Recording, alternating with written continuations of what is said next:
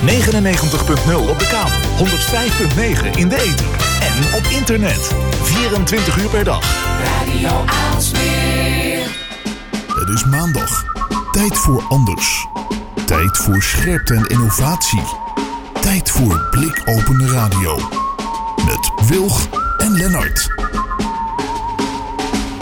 Ja, inderdaad. Het is maandagavond. Het is 9 april 2019.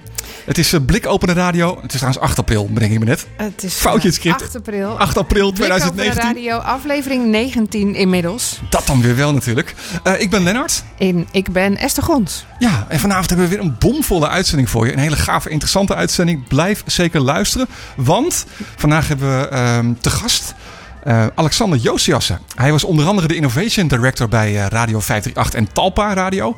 En nu kijkt hij als zelfstandig consultant met bedrijven in de media, sport en entertainment. Hoe zij moeten inspelen op nieuwe ja, digitale ontwikkelingen en verdienmodellen. En ook was hij vorige week nog bij de vakbeurs Radio Days Europe in Lausanne in Zwitserland. Ja, dus geno- genoeg gesprekstof. Ik bedoel, een radiofreak. Wat wil je nog Eh, meer? precies, daar kunnen we misschien een uur mee vullen. Maar dat kan niet, want wij hebben ook nog onze eigen columnist Sanne Roemen. Co-creatie en maatschappelijke ontwikkelingen. En we kijken deze week weer door haar filters. Ja, super spannend. En natuurlijk ook de Week van Wilg, waarin eh, Esther eh, kijkt en ons bijpraat over wat er opgevallen is de afgelopen week. Yes, en dan hebben we als toetje eh, onze columnist en gespreksontwerper Rick Steggedaar. Die altijd een prachtige afsluiter heeft voor, eh voor Blikopende Radio. En ik ben eigenlijk heel benieuwd weer naar deze. Ja, ik ook. Nou ja, genoeg reden dus. Blijf luisteren. Dit is Blikopende Radio.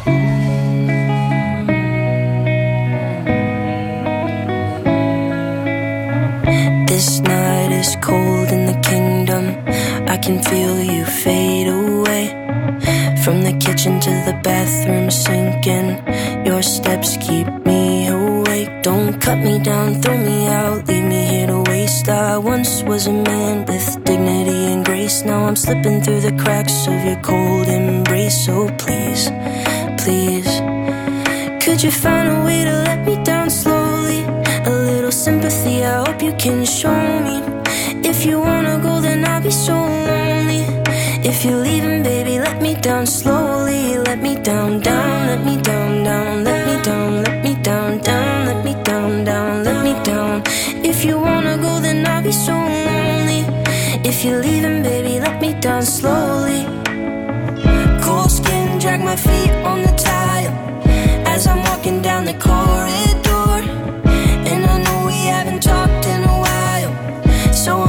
For an open door. Don't cut me down, throw me out, leave me in a waste. I once was a man with dignity and grace. Now I'm slipping through the cracks of your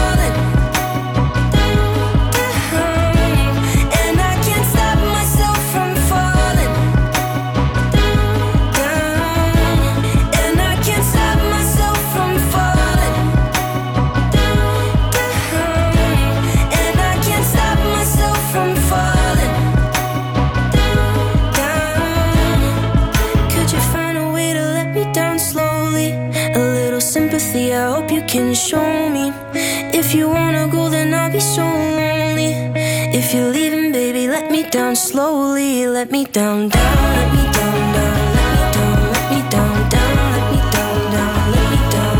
If you wanna go, then I'll be so lonely.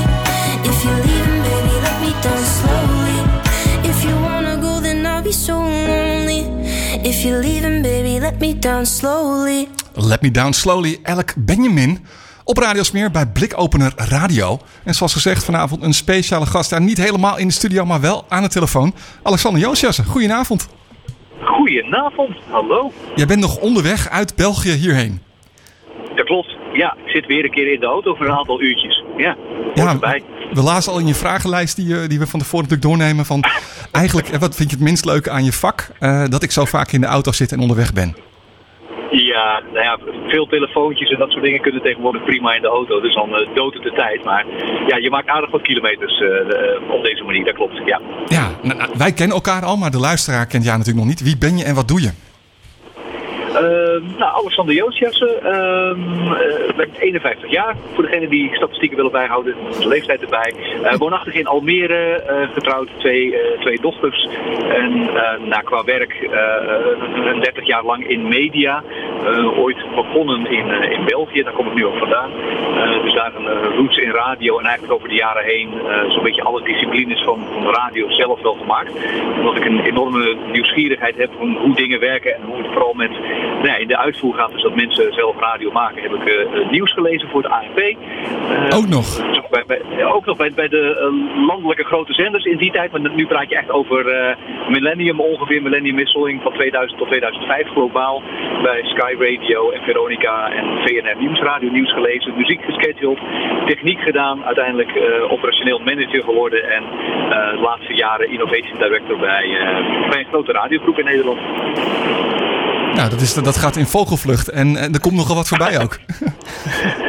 maar je was Ja, altijd, ja. altijd, altijd wel een mannetje van de radio vroeger?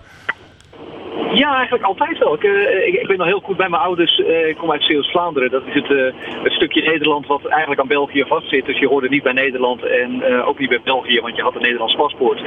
Maar in die tijd, toen ik jong was, op de slaapkamer met een radiootje naar, naar allerlei zenders luisteren. In die tijd zelfs nog een beetje zenders vanaf zee, heel af en toe. ja. Eh, en heel veel Belgische radio, vrije radio heette dat in die tijd in, in de jaren 80.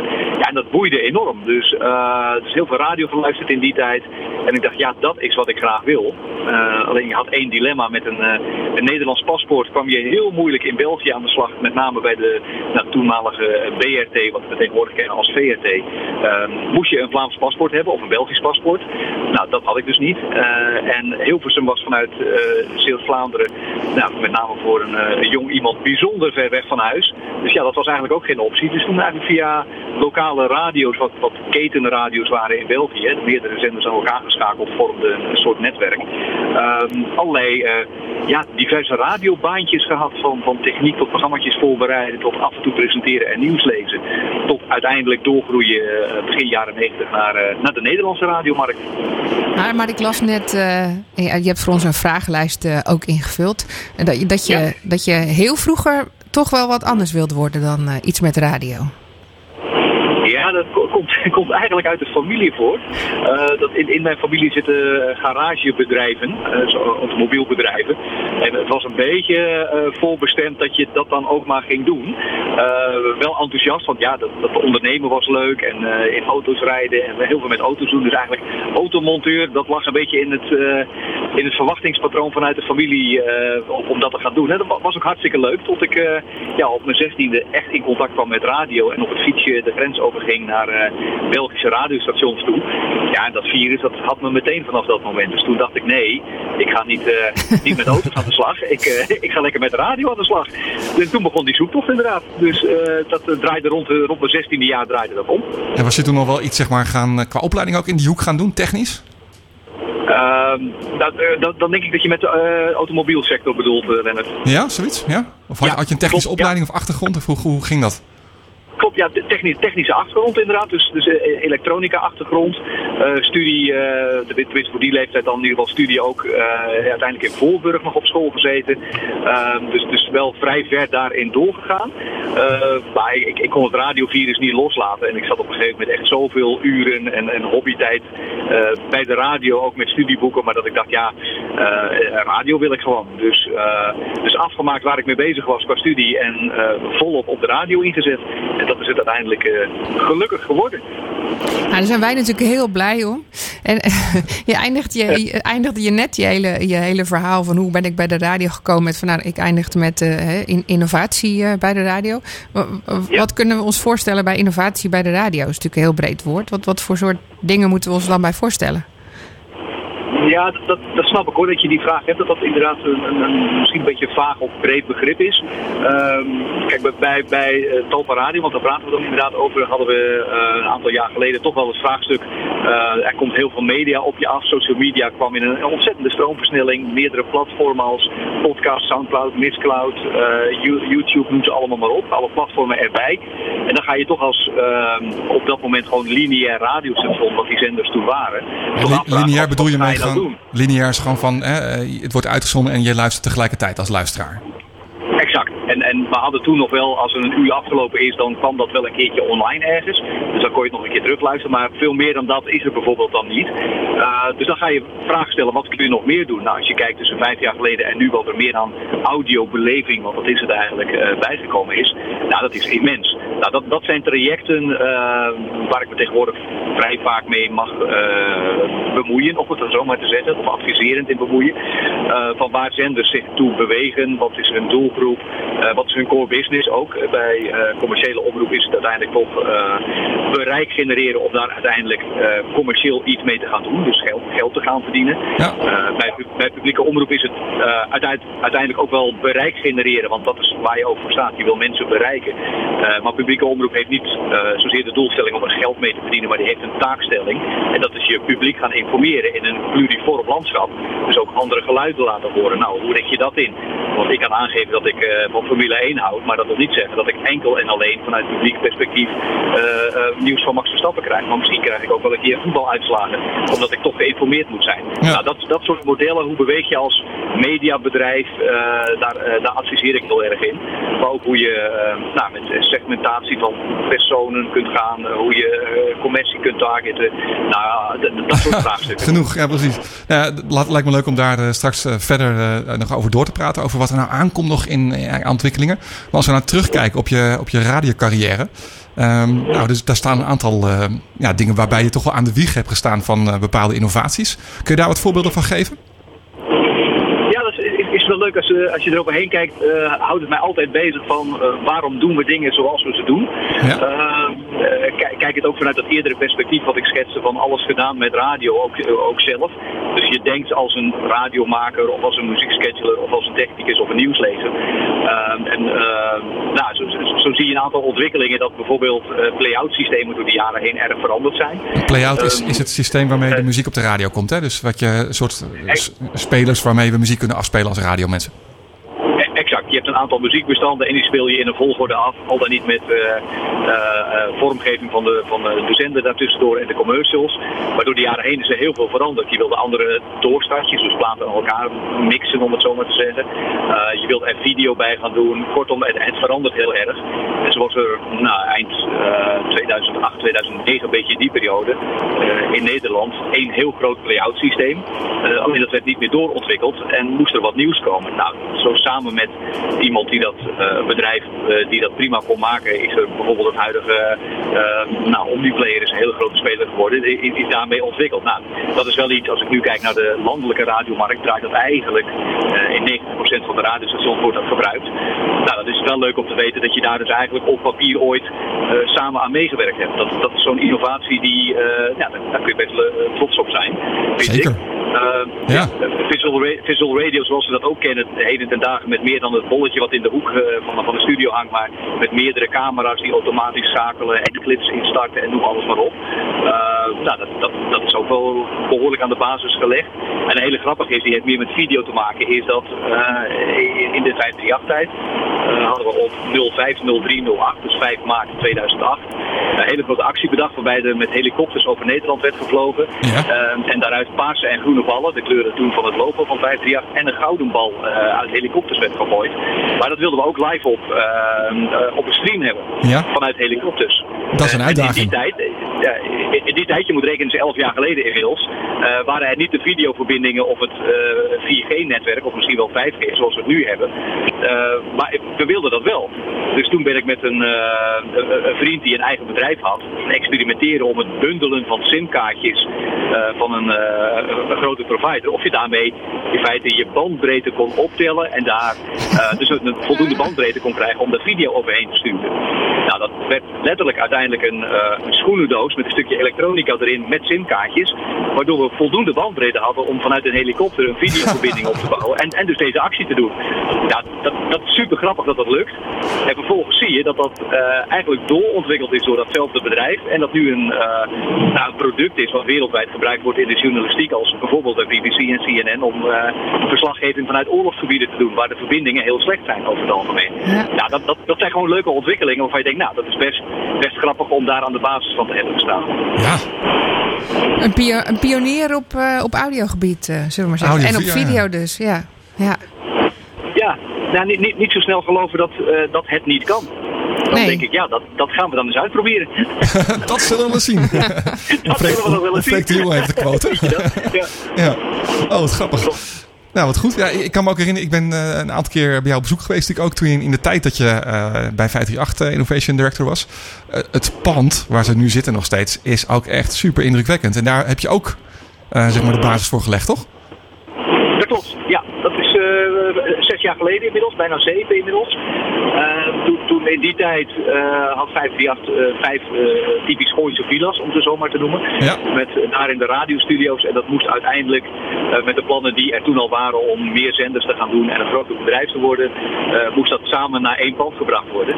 Dus dat is inderdaad een project geweest van alles bij elkaar een jaar om al die radiostations die er nu zitten in één pand te krijgen met alle benodigde infrastructuur en studio's en kantoorautomatisering en alles wat daarbij Ja, dat klopt. Is wel een van de meest uitgebreide radiopanden, denk ik, in Nederland. Zo niet het uitgebreidste pand, of? Ja, of het, echt het uitgebreidste is op dit moment, eh, ik, ik denk het overigens nog wel, maar eh, NPO zet ook hele grote stappen op dit moment met het, eh, het bekende radiohuis eh, Ja. op het Mediapark. Ehm, daar- daar wordt nu ook eigenlijk alles samengevoegd naar één locatie waarbij je alle content vanaf één plek gaat maken en, eh, en distribueren. Ja. Eh, en eh, vreselijk vette ideeën. En denk je, nou ja, prima, ik ga het gewoon proberen. Want eh, we kijken wel of het lukt. Dat is een beetje je instelling. Maar je, je moet natuurlijk ook mensen meekrijgen. Want het zijn best grote projecten. Die krijg je natuurlijk nooit in je eentje voor elkaar. eh. Hoe, hoe word je innova- Innovation Director? Ik bedoel, dan moet je wel iets van overtuigingskracht hebben. Ja, zoiets ja. Ja, nou, da- da- daar ben ik het mee eens. Want het, moeilijkste eigenlijk van innoveren is niet zozeer eh, de techniek. Want ik ben echt in de veronderstelling, eh, op het juiste moment krijg je het wel voor elkaar. Eh, als de techniek er eenmaal klaar voor is, of je hebt het briljante idee ineens te pakken dat je denkt, hé, hey, dit zou het kunnen zijn. Maar vervolgens inderdaad de mensen meekrijgen, dat is eigenlijk nog het moeilijkste van het hele proces. Want mensen zitten nou eenmaal in een bepaalde comfortzone van werken en doen ze dagelijks, ze hebben een workflow of ze voelen zich gewoon ergens comfortabel bij. En dan, dan moet je ze dus meekrijgen in jouw verhaal in feite. Ehm, ja, d- dat is een heel proces. Dat kan beginnen met, met doelstellingen van een bedrijf, dat je die gaat ombuigen naar, eh, naar nieuwe workflows of mensen meenemen in jouw verhaal van dit zou het kunnen zijn en hun vooral de voordelen te laten zien. Eh, Want in- innoveren op te veranderen alleen is, eh, is niet voldoende. Je moet ze ook laten zien waarom het voor ze werkt. Ja. En mensen echt meenemen in het verhaal. Het kleine stapjes met overtuiging meenemen. Want alleen een inlog sturen en dit is jouw nieuw systeem, dat, dat schijnt niet zo goed te werken. nee, maar dan, dan helpt het natuurlijk enorm mee dat je een, eh, een groot track record hebt opgebouwd in de loop van de jaren. Waardoor mensen wel weten, van, oké, maar die Joostjassen die, die weet wel wat. Nee, of hij kan natuurlijk gewoon een goed verhaal vertellen. Laten we het midden houden. Nou ja, wat je al vertelt, dat klinkt in ieder geval indrukwekkend. Dus daar zijn we het over eens. Ehm ehm, eh, dat mensen meekrijgen. eh, en zeg je, dat is een moeilijk verhaal al erin. Ik kan me ook voorstellen, want je werkt nu voor diverse partijen, eh, zowel commercieel als publiek, dat daar best een groot verschil in zit. Ja, nou, kijk, het, het- commerciële verhaal is eh, heel plat geslagen en moet bereikt zijn. eh, dus, dus veel mensen bereiken. En wat is daar dan voor nodig? En waar, waar zit je doelgroep en hoe bereik je die dan? Eh, en nou, ik wil niet zeggen op een bierveeltje, maar je kunt vrij snel een return on investment maken. En als dat positief uitpakt op een niet al te lange termijn, dan zal een commerciële partij vaker zeggen, ga maar doen. Ja. Uh, waar bij een publieke partij je gewoon toch een aantal, wat ik eerder zei, de taakstellingen van een publieke omroep of een publieke organisatie iets anders. Ja. Zijn anders gefinancierd vaak. Uh, dus dus return on investment is daar iets minder belangrijk. dus dus ook, ook, het proces om dingen aan te schaffen of in te regelen lopen gewoon anders. meer meer paarse krokodillen ook, of dat valt wel mee? Sorry, wat zei je dan? Meer paarse krokodillen ook, zeg maar. Meer bureaucratie, of valt het wel mee? Nou, wel. Je, hebt soms te maken met, uh, met meer politiek intern, dat klopt. Ja. Maar, maar, maar je zegt van nou, bij commerciële partijen is het eigenlijk heel simpel. Hè? Die willen dan uiteindelijk gewoon uh, uh, commercie en dus geld zien. Hè? Dat, dat is dan de opbrengst. Dat is uiteindelijk waar de waarde moet liggen. Dus hangen er bij die, bij die niet-commerciële misschien ook andere waarden aan waar je veel meer op kan richten. We moeten voor, weet ik niet, misschien relevant zijn voor de doelgroepen. Of dat je daar wat meer dingen kan ophangen aan je verhaal.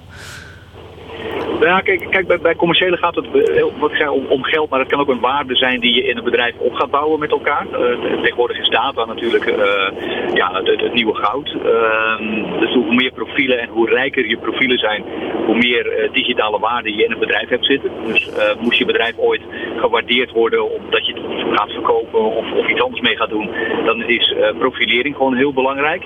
Ehm, bij publieke omroep is het kunnen aantonen dat je ertoe doet, dus relevant bent voor je taakstelling, is daar veel belangrijker.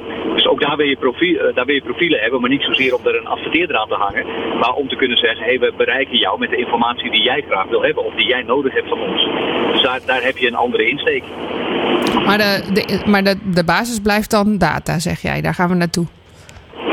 Daar zijn we al. Of daar zijn we al, ja. ja ja, dat, daar zijn we al. Kijk, en het, is nu bij veel bedrijven is het, uh, we hebben het verzameld of we zijn het aan het verzamelen. Uh, en nou is verzamelen om het verzamelen is niet het beste over het algemeen. Dus je moet er ook een doel mee gaan bereiken. En dat formuleren van het juiste doel, uh, je merkt dat daar best veel bedrijven toch een beetje mee worstelen. Van wat moet nou mijn doel zijn en ja, hoe, hoe krijg ik dan de juiste data om, om, dat te doen?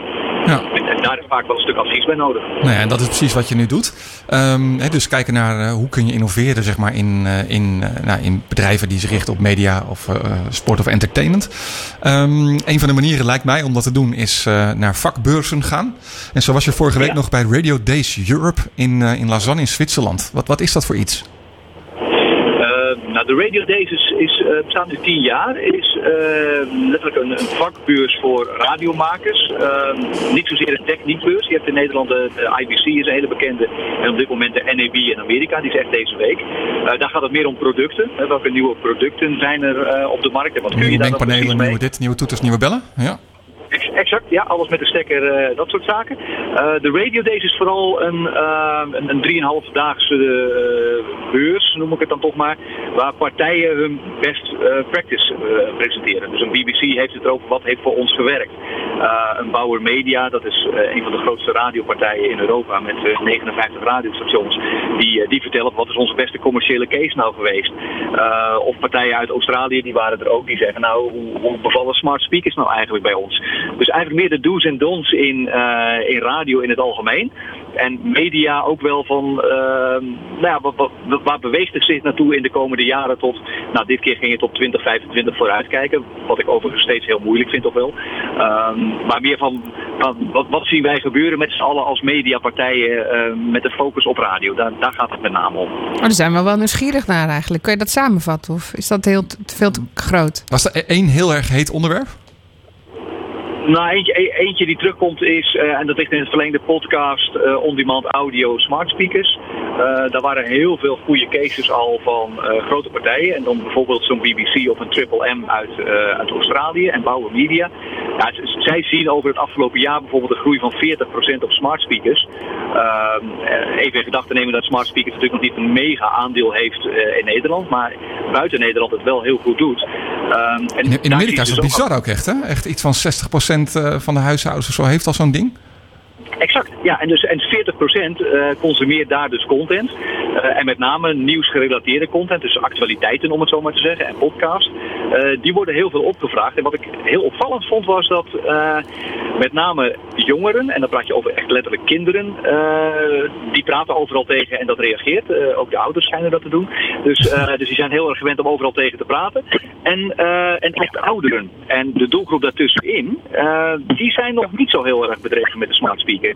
Dus dat is wel grappig. Dus, uh, ouderen uh, die moeite, he- moeite hebben met, eh, met mobiele telefoons en zo, eh, erg op voice zitten. Ja. En ook dus echt de, de, de kinderen dat heel erg doen. Nou, het grappig. hè? Wat Dat- mooi. Ja, die verschuiving eigenlijk van radio naar eh, voice. Hè, of dat nou... eh, ja.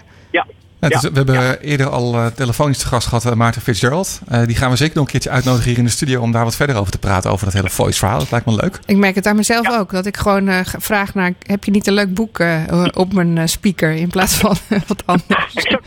Ja, Dat is grappig. exact. Dat, dat speelt heel erg, dat klopt. Ja. Dus je zegt eigenlijk, ja, podcast, dat is al een tijd lang dat dat toch wel, hè, het afgelopen jaar toch wel, dat, dat dat steeds van, ja, dat gaat nu doorbreken en dat zie je ook gebeuren.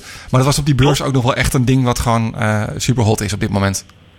Ja, absoluut. Het- was toch wel het thema, alles met eh, voice controlled, de smart speakers podcast, on-demand audio, mixen tussen lineair en, en eh, personalized radio. Die kant gaat het heel erg uit. Ja. Eh, en het, het verrijken van, van content. Dus dat je lineair, dus gewoon zoals wij nu live radio maken, dat dat er is, maar dat je het online en on-demand eigenlijk met allerlei verrijking aanbiedt.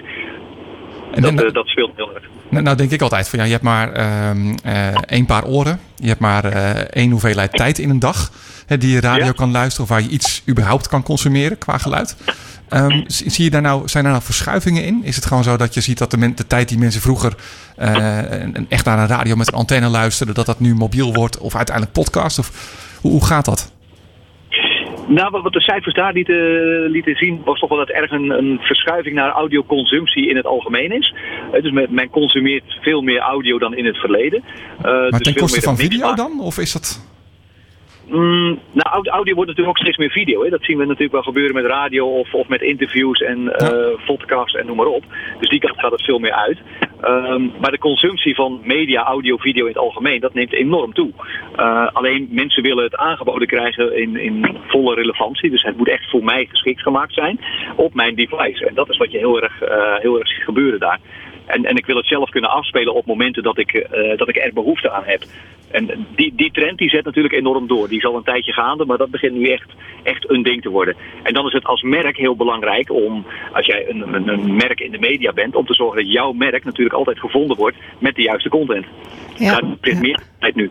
En wat ik zo bijzonder vind is eigenlijk dat het lijkt alsof er een soort scheiding komt tussen wat eerst eh, algemeen gewoon video was of, of, of content.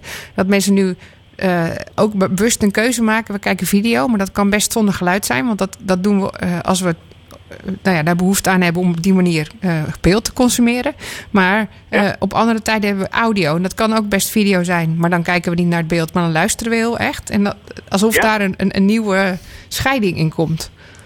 Klopt. Ja, dat begint heel erg te verschuiven inderdaad. En, en je consumeert het type audio of video wanneer jij er zin in hebt. Dat is erg, eh, erg trend op dit moment. Ja, of, of wanneer wat kan, denk ik dan. Je maakt een keuze. Dit, hier, hier heb ik nu het ene aandacht voor. Misschien omdat we meer tegelijk gaan doen. Ik heb geen idee. Maar ik vind Ja. het wel een bijzondere trend. Ja, grappig. Ja, en, en ik kan me dan zeker. voorstellen dat inderdaad een smart speaker dan helpt, omdat je dan eh, eigenlijk twee dingen tegelijkertijd kan doen. Ja, klopt. Ja. Tijdens het koken iets kan Ja, roepen. vaatwasser uitruimen en vertel eens iets leuks. Exact, exact. Ja, ja. Hey, als, als je eh, even de, de, de radioglazen bol eh, hebt, of de mediaglazen bol, wat denk je dat we over tien jaar helemaal niet meer terugzien? Wat gaat er helemaal uit, verwacht je? Over tien jaar. Lukt ja, tien jaar is ontzettend ver. Ja, dus dat is wel een al, eh, heel erg glazen bol wat je zegt. Eh, ja, ik, ik vind het moeilijk voorspelbaar eh zo ver vooruit. Zo, ik vind vijf jaar sowieso heel ambitieus als je dat eh pretendeert te doen. Ehm, bestaat ja, radio dat- nog zoals we het nu maken? Ik denk dat er altijd voor tv is ook al, al tien keer doodverklaard. En lineaire radio natuurlijk ook al een aantal keer. Ik denk dat dat altijd blijft. Omdat mensen ook een eh gemaksdier eh, is toch wel over het algemeen. En dit een makkelijke vorm van het aangeboden krijgen van eh, content is. Ehm, eh, ook een van de voorbeelden op de Radio Days was dat Amerikaanse jongeren het woord radio eigenlijk niet meer kennen. Maar Oh. dat is meer een device waar content uitkomt. En ja, sec gezegd is het dat ook eigenlijk natuurlijk. Het is gewoon een device waar content uitkomt in een lineaire vorm dan in dit geval. Dus ik denk dat radio altijd wel, eh, wel zal blijven. Alleen er heel veel extra omheen aangeboden gaat worden, waardoor het eh, ja, voor, voor iedereen altijd geschikt is. Mooi. En, en als je nou, dan niet tien jaar vooruit kijkt, maar wat minder lang, wat, wat gaat het helemaal worden? Ehm, nou, dus de, smart speaker gaat echt wel doorbreken. Dat, eh, dat, dat zie ik echt wel gebeuren, dat dat eh, doordringt. Ehm, en ik, ik denk, maar dat zie je in, in Nederland ook gebeuren, dat grote merken uh, audio, video, online, uh, on-demand platformen en noem maar op vanuit één merk aan het doen zijn. Um, kijk onder andere dus naar zo'n zo'n uh, nou, een 538, dat is echt overal beschikbaar. Is niet alleen audio meer, is niet alleen meer radio, dat is gewoon multiplatform om het zo maar te zeggen. Uh, dat, dat zul je steeds vaker zien gebeuren. Ja, nou ik vind het mooi. Ja, ik, ik, uh, ik word helemaal blij van dit soort dingen. Dat, voice, radio, voice en, en nou ja, we moeten gewoon dingen overal aanbieden. Ja. Ik, ja. Vind, ik vind het ook goed wat je zegt. Misschien kunnen we wel helemaal niet voorspellen. We moeten gewoon kijken wat er gaat gebeuren. Het, het, is te trendgevoelig, denk ik. En de grote techpartijen die, die hebben natuurlijk ook belang dat jouw content op hun platform zit. Dus die zullen ook continu met nieuwe vormen gaan komen. Uh, in, in de strijd om, uh, ja, om, om de content van jullie en andere partijen te pakken te krijgen. Mooi. Alexander, ik wil je hartelijk bedanken voor het uh, mooie gesprek. Graag gedaan. Ja. Ik wens jullie nog heel veel succes. Dankjewel. Ja, misschien red je toch net om uh, voor het einde van de uitzending te komen zwaaien in de studio. Maar de, dank, je, dank je wel sowieso. Oké, okay. hey, dank jullie wel. We gaan even kort luisteren naar muziek en dan schakelen we over naar Sanne.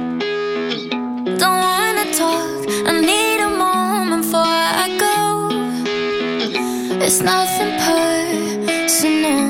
I draw the blinds. They don't need to see me cry. Cause even if they understand, they don't understand.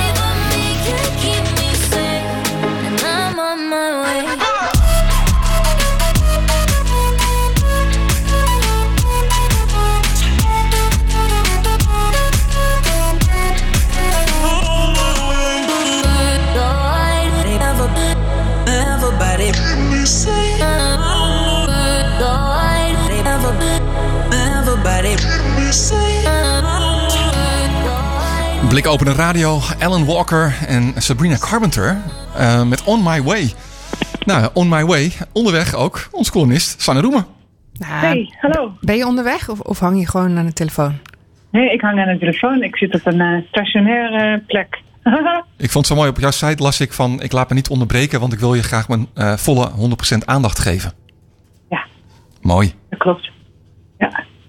Mijn ja. telefoon staat altijd uit. Als ik hem kwijt ben, dan zeggen mensen ook wel eens heel lief van... Zal ik hem even bellen? Dan hoor je hem. Maar ja, dat is dus bij mij nooit. Handig. Heel goed ja. ook. Maar jij hebt uh, elke week uh, een uh, nieuwsbrief door jouw filters. Ja. ja. Wat heb je ons vandaag te bieden door jouw filters? Nou, wat ik dit keer tegen ben gekomen is, uh, ik volg een um, blog en die heet visualcapitalist.com en die publiceren elke keer uh, prachtige visualisaties Onder andere over hoe rijk landen zijn of waar het meeste water verbruikt wordt. Gewoon mooie beelden. En de visual die nu voorbij kwam was dat het internet eh, 30 jaar ja, jarig is in maart 30 jaar. was. Ja, 30 Wauw. jaar. Dat voelt... Eh, je was? Jeetje. Ja. 30, het hele internet is 30 jaar. En dat hebben we niet Ja, met z'n allen gevierd.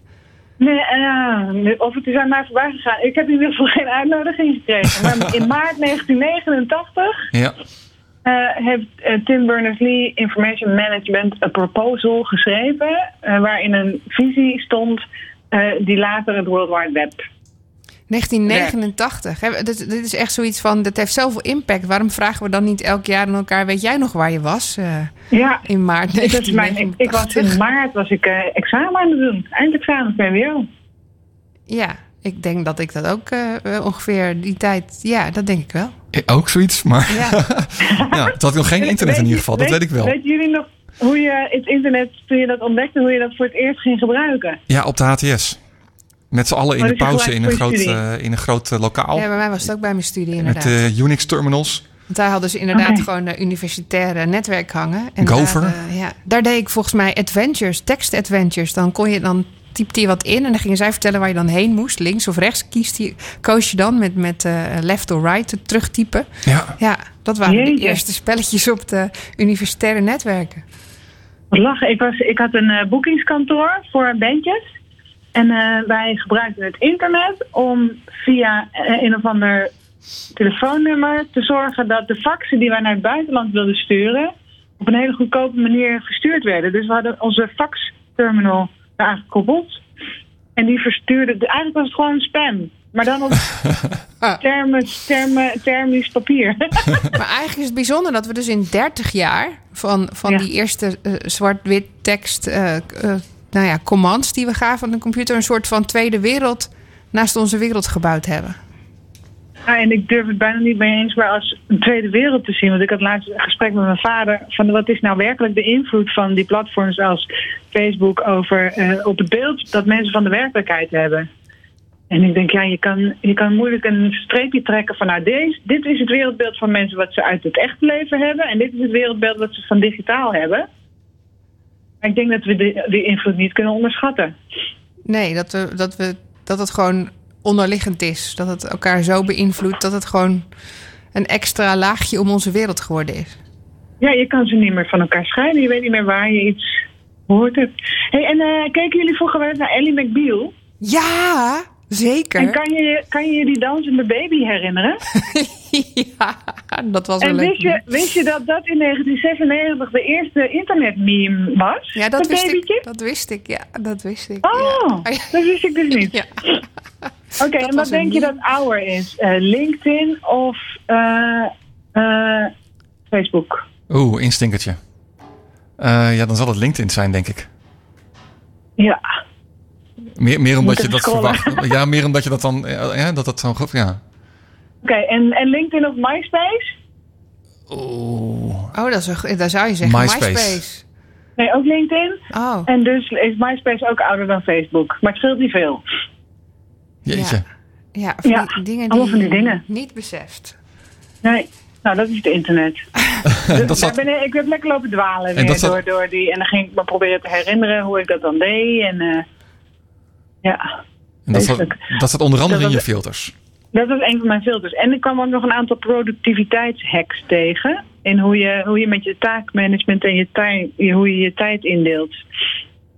Ik weet niet of jullie dat interessant vinden. Jullie hebben het natuurlijk helemaal niet druk. Ja, nou, ja, ik, ik, gebruik, eh, daar, ik gebruik apps meestal. Dus ik gebruik nu eh Butleroy, een, een app van een van, eh, van mijn start-ups. Eh, Butleroy? Ja, en die, die, die hebben dan een calendar en to-do. En dat voegen ze allemaal samen. En dan kun je ook andere dingen plannen. Oh, dat is handig. Ja, En, eh, en hoe zorg je ervoor dat je echt ook gaat zitten om dingen te doen? ja dat is aan mij natuurlijk. Heb jij daar Ja, tips voor? Nou, ik ben echt meesterlijk in het uitstellen. Maar iemand heeft mij laatst, of laatst, een paar jaar geleden verteld... van als je dan uitstelgedrag vertoont, doe dan ook iets nuttigs. Dus uiteindelijk, terwijl ik andere dingen Oh ja. aan het uitstellen ben... krijg ik dingen gedaan die eigenlijk ook wel moesten. Ja, zoals koekjes bakken of je kast eh, op kleur zetten, dat soort dingen. Nou, ik heb eh, afgelopen vrijdag alle verrotte houten vlonders van mijn balkon verwijderd. Terwijl ik eigenlijk moest schrijven. Een soort procrastination, maar dan, eh, ja. Ja, een soort produ- productive procrastination. Procrast. ja, Oh. en wat bij mij wel werkt is de Pomodoro-techniek. Dus dat ik gewoon een timer zet en dat ik gedurende dat die tikt hard aan het werk ben en dan mag ik weer stoppen. Ja, ja die, die ken ik. En- Maar die werkt bij mij gewoon niet. Nee? Nee, daar word ik dwars van. Dan is dat een systeem Ja. waar ik in moet. En dan word ik daar dwars van. Maar goed, Dus jij iedereen... doet gewoon wat je moet doen of je doet gewoon niet wat je moet doen. Nou ja, precies dat. Ja. Ja. ja. En stel jij stomme dingen vaker uit dan leuke dingen? Of stel je leuke dingen net zo vaak uit? Ja, ik heb gewoon hele harde deadlines nodig. En die stel ik. dat? Ik kan ook mezelf hele heigende deadlines stellen om te laten werken. En eh, oké, dus als ik jou hoor hele harde deadlines, dan heb je verschillende gradaties van deadlines. Zacht, Uiteraard. medium. Er zijn ook hard. gewoon dingen die uiteindelijk helemaal niet belangrijk blijken. Maar dat weet je dat niet van tevoren. Nee. Oh, dat is jammer. Ja. Ik ben er nog niet uit. Hmm. Als Nee, mensen... ik, sinds Getting Things Done weet ik wel altijd precies wat ik aan het procrastineren ben. Dus dat is wel, wat, wel fijn. Ik heb in ieder geval wel inzicht. overzicht op de to-do's die ik niet aan het doen ben. dat, dat is ook een oplossing, toch? Ja. Ik- Ja, ja, nee. Als je het van jezelf maar weet, is het volgens mij het belangrijkste. Ja, toch? En, en Ja. procrastination is ook nodig om je ehm, ruimte te geven om andere dingen weer beter te kunnen doen, heb ik eh, begrepen. Ja, toch? Ja. En eh, ja. Ja, het blijft een frustrerend ding. Als mensen jou zouden willen volgen, om eh, ook een goede reden te hebben om, eh, om te kunnen procrastinaten, zeg maar, met, met jouw nieuwsbrief bijvoorbeeld. Eh, hoe kunnen ze dat doen? Je- eh, filters.sanneroemen.nl, daar staat hij. En als je het woordje filters weglaat, dan kom je gewoon bij mijn website uit. Hartstikke mooi. Sanne, dank je wel weer voor je bijdrage aan deze aflevering van Blik Open. En wij spreken jou snel weer. Oké, tot gauw. Dan gaan we eh, naadloos meteen weer door met eh, ja, de Week van Wilg. Wat is jou opgevallen afgelopen week, Esther? Nou, laten we te beginnen met wat jou opgevallen was eh, afgelopen week. Ja, Eh, ik, eh, ik had het je doorgestuurd en ik dacht echt van, hè? Wat bijzonder, hè? Ja, Ja, want, want Netflix kennen we allemaal. Ja, maar heel veel we- mensen weten niet hoe Netflix ooit begonnen is. Voordat ze die geweldige streaming service had- hebben opgezet. Netflix is namelijk begonnen als eh, eh, een service waarbij je gewoon eh, dvd's opgestuurd kreeg. eh, die je wilde Gewoon op kijken. de post. Gewoon op de post. Een DVD. zeg maar schrijfje. de videowinkel die dan de dvd's opstuurde. Ja? dus de, manier van. Maar, maar jij hebt ontdekt dat, dat dat nog steeds gebeurt dus. En niet een klein beetje. Ik kwam een nieuwsbrief tegen en daar stond dat in. En het zijn, ik weet het niet uit mijn hoofd meer, 2,7 miljoen Amerikanen. Ja, 2,7 Die nog miljoen steeds? Amerika- Amerikanen hebben nog steeds een abonnement op die dvd's in de mail. Die krijgen nog steeds dvd's opgestuurd per post, mensen. En nou denk je dat is heel raar. Maar als je er nou eens goed naar kijkt, is dat helemaal niet zo raar. Eh, want er zijn hele gebieden in Amerika waar dat streaming dus gewoon helemaal niet zo goed werkt. Als jij eh, geen goede internetverbinding hebt. Eh, en, en je dus ook niet goed films kan kijken dan.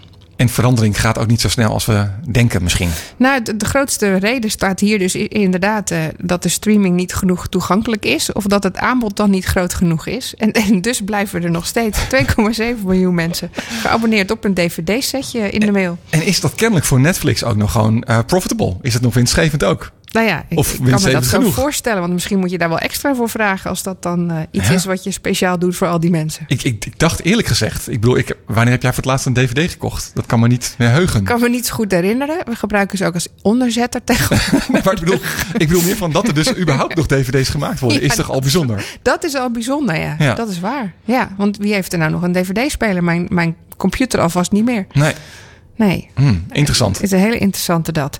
Eh, en zelf eh, was ik ook Netflix tegengekomen. We hadden het vorige, eh, vorige week natuurlijk al over eh, Apple en de Apple-aankondiging van de nieuwe Apple TV. Ja. En dat ze dat ook wilden gaan combineren. Misschien wel, eh, behalve zelf content produceren, ook nou ja, gebundelde aanbiedingen doen. Dat je ook een stukje Netflix mee zou kunnen krijgen. En vandaag las ik dat Netflix Airplay support heeft afgeschaft. Eh, Oh. Serieus? ja, en dan moest ik heel erg om lachen. En normaal gesproken kan je dus, eh, als je een- Mac hebt en je, en je hebt eh, op, je, op je iPad heb je misschien Netflix, dat je denkt van nou, ik wil dat even naar mijn Apple TV, zodat ik het op het grote scherm kan zien, kan je een knopje Airplay aanzetten. Ja. Dat wordt gesupport door Netflix. Maar Netflix heeft gezegd: ja, er zijn technische limi- limitaties. Wij kunnen dat eigenlijk niet meer goed zien. En die nieuwe Apple TV, die, daar willen we ook goede kwaliteit op geven. En eh, ja, wij weten niet meer wat nu welk de device is. En dan vinden wij dat de kwaliteit niet goed genoeg is. Dus we zetten het gewoon uit. Maar je kunt toch gewoon ook op je Apple TV die app van Netflix installeren. En gewoon, Uiteraard. dat is toch veel makkelijker? Dat, dat doet iedereen. Ja. Maar, eh, Maar het was opvallend. maar het was opvallend. En eh, ik vraag me dan onmiddellijk af: ja, is dit echt zo? Kunnen ze dit echt niet bieden? Eh, of, of is dit gewoon een, een, een, een, een narrigheidje van: ja, dat is leuk dat jullie dat doen, maar laten wij dan ook iets terug doen? Ik vind het, ik vind het een beetje een pesterijtje. Maar Het zou, het zou goed kunnen. ja, ik ben benieuwd wat erachter zit. En of we dat ooit te weten komen, is natuurlijk de vraag. Ja. Ehm, nou, eh, hadden we het eh, net eh, met Alexander over voice. En dat dat. Hij zegt ook van nou dat gaat straks heel groot worden. En Misschien is dat wel het, eh, de manier van met computers praten. Ja. Eh, Google ziet dat ook een beetje zo. En die heeft, eh, behalve dat ze zo'n zo'n speaker hebben, zo'n slimme speaker, hebben ze ook al een voice assistent via de computer. Hè? Ook omdat ze dan sneller kunnen leren. En nu hebben ze bedacht van ja, als dat inderdaad het gaat worden, waar, wat doen we dan met onze advertentieinkomen? Dus die zijn nu ook aan het experimenteren met advertenties bij de, assist, de voice assistent. Echt? Ja, en Google Home dat je dan eens af en toe tussendoor krijgt van... eh, Nou, op de speaker hebben ze het dus nog niet. Ze zijn Ja? nu alleen op het web aan het experimenteren. Als je daar dus met voice vraagt, eh zo'n opdracht geeft, dan krijg je daar dus visueel reclames bij. Mhm. En de volgende stap is dan natuurlijk, hoe kunnen we dat ook met audio eh, voor elkaar krijgen? Ja. Ja. Nou, dat vond ik wel bijzonder. Maar goed, zij zien dus ook van dat hè, dat gaat daar naartoe. En als laatste zag ik eigenlijk wel iets heel bijzonders.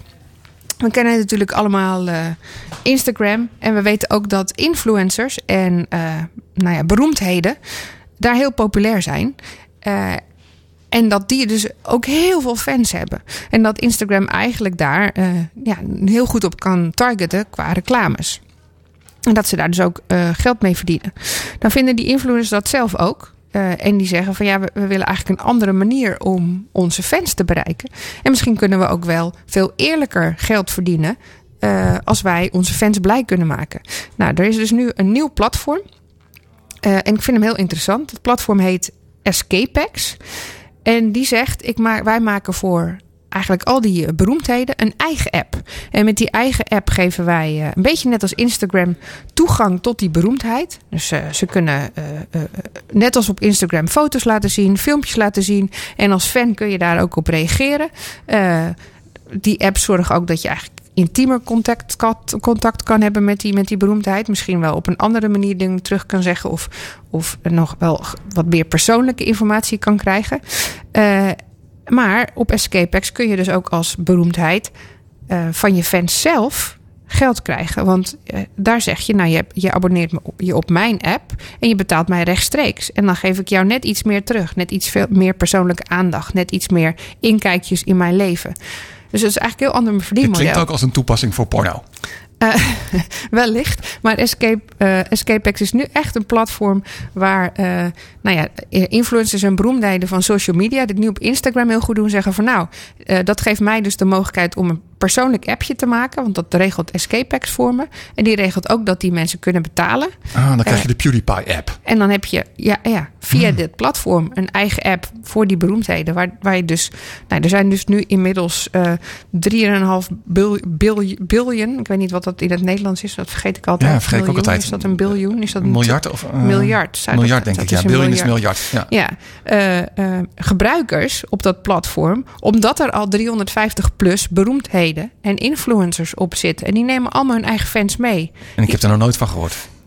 Precies, maar dat is dus wel. Ik vind het heel interessant, want dat laat is eigenlijk een verschuiving van Instagram, waar dan reclames tussen zitten, naar nee, dit is mijn platform. Dit, dit is, je, kijkt, je communiceert rechtstreeks met mij en daar moet je toegang voor betalen. Maar je moet nog steeds zeg maar, je fanbase kunnen opbouwen. Eh, en dat doen natuurlijk wel platforms waar mensen komen. En dus daar heb je nog steeds de Instagrams voor nodig, lijkt mij. Ja. Ja, ja. En, en ze zetten ook op Instagram, maar ze zeggen dan: het is eenzelfde soort app, maar die is nu van mij en daar laat ik je net iets meer zien. Nou, ik ben benieuwd of eh, onze columnist Rick, of die ook al zijn eigen app heeft. Rick, goedenavond. Nou, ik zat net te denken. Pak mijn column nog wel even het programma. Zoveel techniek Omdat vanavond. het, omdat het zo ver weg van mijn wereld is. Ja, het is grappig hè. Dus ik zat wel gelijk op Escapex te kijken hoe dat dan werkt. En toen dacht ik, oh ja. Ja, geld verdienen. nee. Ja! Blijkbaar. Ik ben is niet zo is het in, wat voor jou dan? Of niet? Of juist niet? Nee, nee, helemaal niet. Nee. Nee. Nee. Nou ja, aan de telefoon Rick, onze columnist, eh, gespreksontwerper en kerstverse Ja. vader. Nou, ja. Hoe is het daarmee, Rick? eh, nieuwe huiseigenaar ook, Ook nog. Nou, Nou, wat een ja. veranderingen allemaal in jouw leven. Hoe gaat het? Het gaat goed, ja, dus dat gebeurt er allemaal. En ik heb ook nog mijn masterdiploma gekregen in eh, vorige week. Ja, er zitten een hoop eh, eh, mijlpalen ineens eh, geslagen. Mooi zeg. En gaat je Ja. kom daar ook over? Ja, dat denk ik wel. dat denk ik wel, ja. ja maar dan moet, dan moet jij daarna maar zeggen dan, of hij daarover ging. Goed. Heel goed, take it away. De tijd. Vanochtend zat ik met mijn dochter in bad. Ja, het was maandagochtend en ja, ik werk gewoon. Thuis vandaag, dus er is tijd om om half acht in bad te stappen. Ze wilde dat ik voorlas uit een stripboek. Ik kan begrijpen dat u het niet logisch vindt dat ik met een stripboek en een kind in een bad stap, maar ik lees nu helemaal graag in bad, dus ik dacht, ach, waarom niet? We lezen. En mijn vrouw komt een eitje brengen. En koffie. Ja, zo kunnen maandagochtenden dus ook zijn. Een soort verlengd weekend. Ik leg het boekje even weg om samen met haar het eitje op te peuzelen. Er slingert een verdwaald geel eitje, die van de kindersurprise in het bad. Mijn dochter speelt ermee, vult hem onder de kraan. We kijken samen of hij vol water kan en dan nog kan sluiten. Dat kan. Hij wordt er heel zwaar van, zegt mijn dochter. Klopt, zeg ik. Ik kijk naar haar en zie dat ze geen tijd kent. Ze heeft geen haast. Ze hoeft nergens te zijn. We zitten midden in een verhuizing en dat vindt ze spannend. Dat merk je aan alles, ook al zegt ze er zelf niks over. En zie eens, ze heeft de rust om stil te gaan zitten. Om te zijn, hier en nu. Wat een wonder. Het ontroerde me. Zou er ergens in ons DNA opgesloten zitten dat we stil gaan zitten als het allemaal een beetje veel wordt? Dat ons systeem de tijd buitensluit alsof hij niet meer bestaat. Of beter, het is nog anders. Hebben wij het nodig om de tijd stil te zetten? Hebben we een interne pauzeknop? Zo van, ja sorry, maar er is van alles aan de hand en zolang dat zo is verstrijkt er geen tijd en zit ik hier als een steen tijdloos te wezen. Alvast bedankt voor het niet storen. Wat doe jij als het allemaal veel is? Hardlopen wellicht, zodat je lijstje leger raakt, weggaan een weekend om bij te komen. En als je terugkomt is alles er nog, maar dan nog groter. Ga je klagen? Wordt je lontje korter? Verstoppen, sporten, stressen, drinken, eten, slapen? De tijd. Zet haar stil als het overkookt. Wees een steen. In bad. En denk dat het een rivier is die eindeloos om je heen stroomt. Wat mooi. Ja, ik zit te denken wat ik doe eigenlijk nu. Ja. Ik denk dat ik in bed blijf liggen en de dekens over mijn hoofd trek. Maar dat is misschien Ja. ook wel steen zijn. Dan zie ik een heel jong essertje voor me eigenlijk. Ja, maar ik doe dat echt. Dan denk ik, oh, ik wil even niet dat de wereld er is. Ik ben er even niet. En hoe voel je daar dan over? Ja, dat heb ik dan nodig. Daar, ben ik inmiddels, daar voel ik me inmiddels niet schuldig meer over. Nee, hè? maar dat is wel een proces, toch? Dat je echt zegt dat, dat je jezelf dat gunt. Dat is ja, waar. Dat, is, een proces. ja. Ja. Daar heb ik een tijd over gedaan. Ja. Dus ik zo mooi dat we dat, wat jij zo mooi constateert, dat we dat dus al kwijtraken, kennelijk. Ja, en, dus, eh, wat, en, en ergens dacht ik dus ook, ja, het zit dus, het, het zit dus ook in ons, maar we raken het inderdaad kwijt. En dan heb je opnieuw weer aan te leren. Of we voelen En, ons eh, schuldig daarover. Dat kan ook. Dat ja, iedereen toch maar wel dat is kan ook aangeleerd, denk ik dan, hè? Het schuld is sowieso aangeleerd, denk ik. Ja. Ja. Ja, ik vind tijd sowieso interessant. Juist omdat in alle science fiction tijd eh, als iets heel anders dan wordt gezien. Van, Ja. Misschien zijn andere mensen tijd wel iets anders dan hoe wij het zien. Maar je Ja. kan, je kan ook niet zeggen, ik ga het nu anders bekijken. Want het, het blijft, het, het, het is er, zeg maar. Dus ik vind het heel bijzonder, tijd. Nou ja, het is toch een eh, door de mens uitgevonden fenomeen. Hè? Ik bedoel, het is natuurlijk een, een, een. We hebben het gemunt als tijd en zo zijn we het op een gegeven moment gaan zien. Ehm, en in uren en minuten. Ja, we zijn Terwijl je onze, kunt, onze dag gaan dat- opdelen. Ja. ja, precies. Dus dat is ergens toch een, een menselijke uitvinding. We zijn daarna gaan leven. Je zou kunnen zeggen, goh, we gaan iets meer met de seizoenen leven. Maar dat is veel complexer, omdat je dat niet kent. Ja, maar dan hang je nog steeds een waarde aan de tijd als je zegt, we gaan met de seizoenen leven. Eh, ja, nou ja, dat- dan, volgens mij, ik, ik wil daarmee zeggen, niet als, dat, niet als vervanging van de tijd, maar dan, dan, dan maak je gebruik van iets anders. En, en eh, dan zeg je misschien wel, in de winter slapen we meer eh, dan in de zomer. Dat doe ik sowieso. Maar dat heb ik ook Ja. een hele tijd over gedaan. Om te accepteren dat ik in de winter dus gewoon veel meer slaap nodig heb. En dus meer, minder productieve uren heb. Eh, en, en dat vonden mensen raar. Maar ik, ik, ik, ik zeg dat nu gewoon tegen mensen. hou er rekening mee dat ik van november tot en met maart minder productief... functioneer. Ja, Ik denk juist dat ik in de zomer zoiets heb van... oh, dit is lekker weer. Dan heb ik gewoon minder zin om te werken of zo. Maar dat... nee, dat heeft echt... Het, het is- ook onderzoek naar gedaan, mede vanwege eh, het vraagstuk wintertijd of zomertijd. Ja. Eh, Dat je juist door het ochtendlicht eh, dat je nodig hebt om jezelf op te wekken. Dus daar zitten dan stofjes in je, in Ja. je die opgewekt worden. En daardoor krijg je de energie om de dag door te krijgen. En als je heel veel donker hebt 's ochtends, dan heb je te weinig energie om die dag door te komen. Vandaar het ook het pleidooi van doe nou niet die zomertijd, want dan hebben we nog meer donkerte eh, Oh, in de winter. Ja, oh, en, dat- we zitten al een uur te ver. Hè. Ze zijn eigenlijk ooit tijdens de Tweede Wereldoorlog door Hitler bij eh, het CET getrokken. Terwijl we eigenlijk bij de, bij de Greenwich Mean Time horen. Dus we zitten al een Ah, uur opgeschoven. Oh ja. Eh, dus, dus, daar, dus, dus dat klopt wel. We hebben gewoon minder energie in de winter. En daar mag je best Ja, aan is toegeven. het ook echt wel complex om in slaap te komen. Als het tot half elf licht is en, en om negen uur vallen mijn luiken dicht, dan is het echt wel complex om te gaan slapen. Ja, ja. Het lukt heel slecht. En het is iets wat we bedacht hebben dus, inderdaad. Ook Ja. nog een keer. ja. Ja, en dat is dan mooi dat je dat dan in je dochter ziet. Dat dat eigenlijk helemaal niet hoeft. Nee, ik vond het echt ontroerend. Ja, dat kan me voorstellen. Maakt haar niet uit of het maandag is of zaterdag of... eh, Nee, want ze, ze, is, ze is gewoon nu. ja, het is gewoon nu. Ja, mooi hè. Ja, Heel mooi. Ze is gewoon nu. Dat moeten we zelf ook wat meer inbouwen, denk ik. Zeker weten. Zeker weten. Top. Nou, dankjewel Rick voor je bijdrage aan deze aflevering van Blik Open Radio. Graag gedaan. Tof. tot over een paar En- weekjes. En wij spreken over elkaar over een paar weken inderdaad weer.